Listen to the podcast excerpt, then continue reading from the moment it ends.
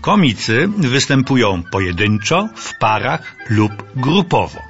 Chaplin, Keaton, Tati, De Funès byli indywidualistami, bracia Marx silną grupą, a pary to przede wszystkim Flippy Flap, czyli Stan Laurel i Oliver Hardy, czy na naszym podwórku lwowskie batiary, Szczepko i Tońko. Mało kto już dzisiaj pamięta, że w dawnych latach, konkretnie dwudziestych, w Europie prym wiedli Pat i Pataszon. Potocznie określano ich tak. Pat to ten długi i chudy, Pataszon ten krótki i mały. Obaj byli Duńczykami. Pat nazywał się Karl Schönström i urodził w Kopenhadze w 1881 roku. Rodzicom, biednym i z trudem wiążącym koniec z końcem, nie udał się wyjazd do wymarzonej ziemi obiecanej, czyli Ameryki. Ojciec zaraz po zejściu na ląd wpadł pod tramwaj, który obciął mu nogę, a matka ciężko zachorowała. Wrócili więc do Danii. Mały Karl musiał wcześnie zacząć pracować. Czynił to w prowincjonalnym warsztacie introligatorskim, ale marzył o teatrze. Marzenie się spełniło. Zatrudniono go jako komika w teatrzyku na przedmieściu Kopenhagi. Co więcej, Karl Schönström zaczął pisać sztuki, nie tylko komediowe. Cieszyły się coraz większym powodzeniem. Stał się znany, no, żeby nie powiedzieć sławny. Ale jemu nie o taką sławę chodziło. Wreszcie zobaczył go i zainteresował się nim pewien reżyser i zaangażował do filmu. Karl grał więc, bez większego jednak powodzenia. Patasza, czyli Harald Matson, był młodszy od Pata o 9 lat. Też urodził się w Kopenhadze. Jego ojciec cieszył się sławą najlepszego szewca w całej okolicy. Ale wielką jego namiętnością był cyrk, do którego chodził często, zabierając ze sobą małego syna.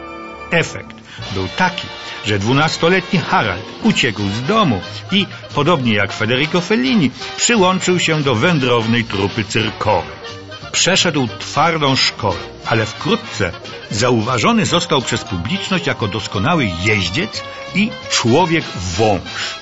Znakomicie wygimnastykowany i wtedy szczupły, potrafił włożyć własną głowę pod prawą pachę, przeginając się w tył i tak spacerować po arenie. Przede wszystkim jednak zdobył uznanie i poklask jako jeden z najlepszych klaunów w Europie. Haraldowi, w przeciwieństwie do Karla, się powiodło. Powodzenie szło w parze z pieniędzmi i to dużymi. Również on trafił do filmu, ale tu żadnych sukcesów nie odniósł. Aż wreszcie znalazł się ktoś, kto postanowił i potrafił niepowodzenia filmowe tych dwóch komików przemienić w sukces.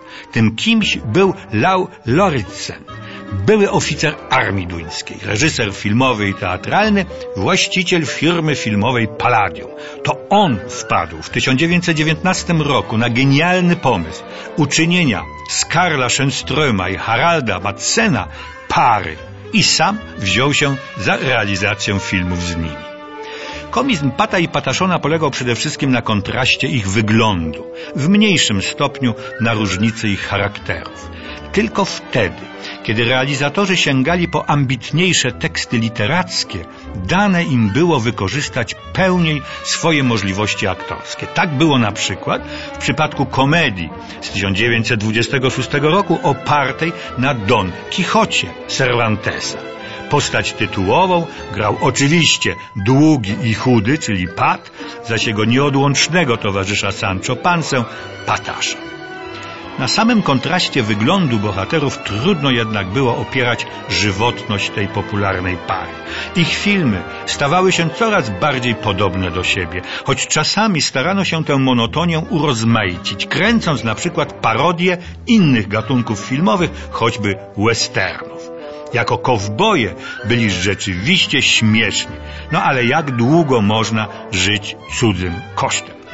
Powoli Spychano ich do ról drugo czy nawet trzeciorzędnych. Stali się ozdóbką filmów sensacyjnych, komediowych czy melodramatów. Na początku lat 30. Pat i Pataszon występowali też w Niemczech, ale ich popularność gwałtownie zmalała. Pojawili się w sumie w 40 filmach. Pat zmarł w 1949 roku, Pataszon jeszcze w czasie II wojny światowej w 1942. Szkoda, że tak zupełnie o nich zapomniano, bo choć nie należeli do komediowej arystokracji, publiczność ich kochała, a jak zwykle tylko przez pewien czas i swoje miejsce w historii filmowej komedii mają.